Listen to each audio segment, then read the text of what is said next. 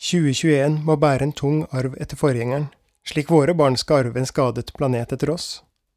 Konsertsalene står tomme. Ekstremværet vasker vekk hele bygder, og demokratiets lys blafrer faretruende i vinden fra et alternativt høyre. En verden der skillet mellom fakta og fiksjon, virkelighet og drøm, synes mer uklart enn noen gang siden 1930-tallet. Ikke til tross for, men på grunn av internett og den frie flyten av informasjon og konspirasjon. Hva skal kunsten kunne speile i et slikt år? Hvordan kan den være relevant? Tolv måneder med uvisshet da vi får følge vaksinenes kappløp med døden, og de stadige mutasjonene som oppstår når Utøy får spre seg fritt, både i den fysiske virkeligheten og i den alternative. Det som synes mest sikkert, er at man fra jorden vil kunne se tolv månesykler i den tiden hjemmet vårt bruker på å tilbakelegge sine elliptiske baner rundt solen uavhengig av hvor fort vi klarer å ødelegge klimaet og bygge ned naturen. 12. Slik musikken er bygget opp på tolv halvtoner.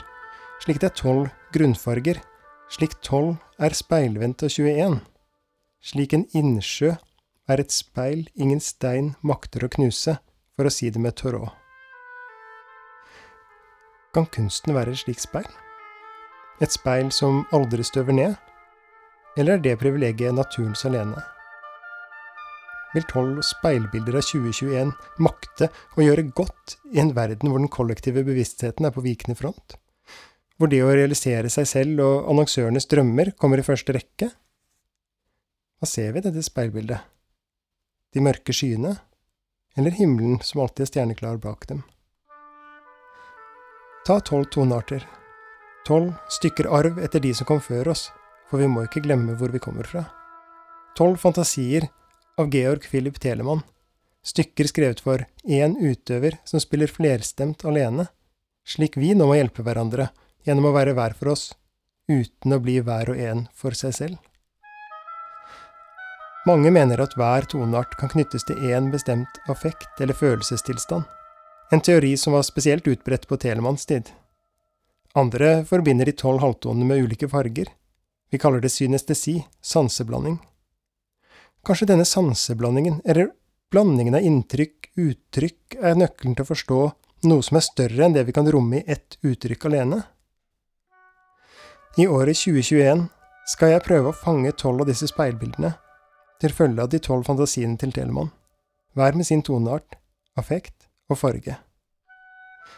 Kan språket fange det usagte?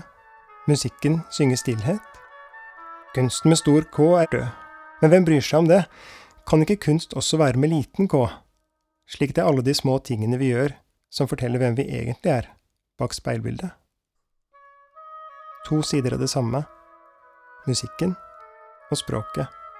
Den ordløse fortellingen og den talte melodien skal møtes i tolv forsøk på å nærme seg erfaringene det nye året stiller til rådighet for oss. Tolv Gesamtkunstwerk som skal bøte på en verden som er nist zusammen.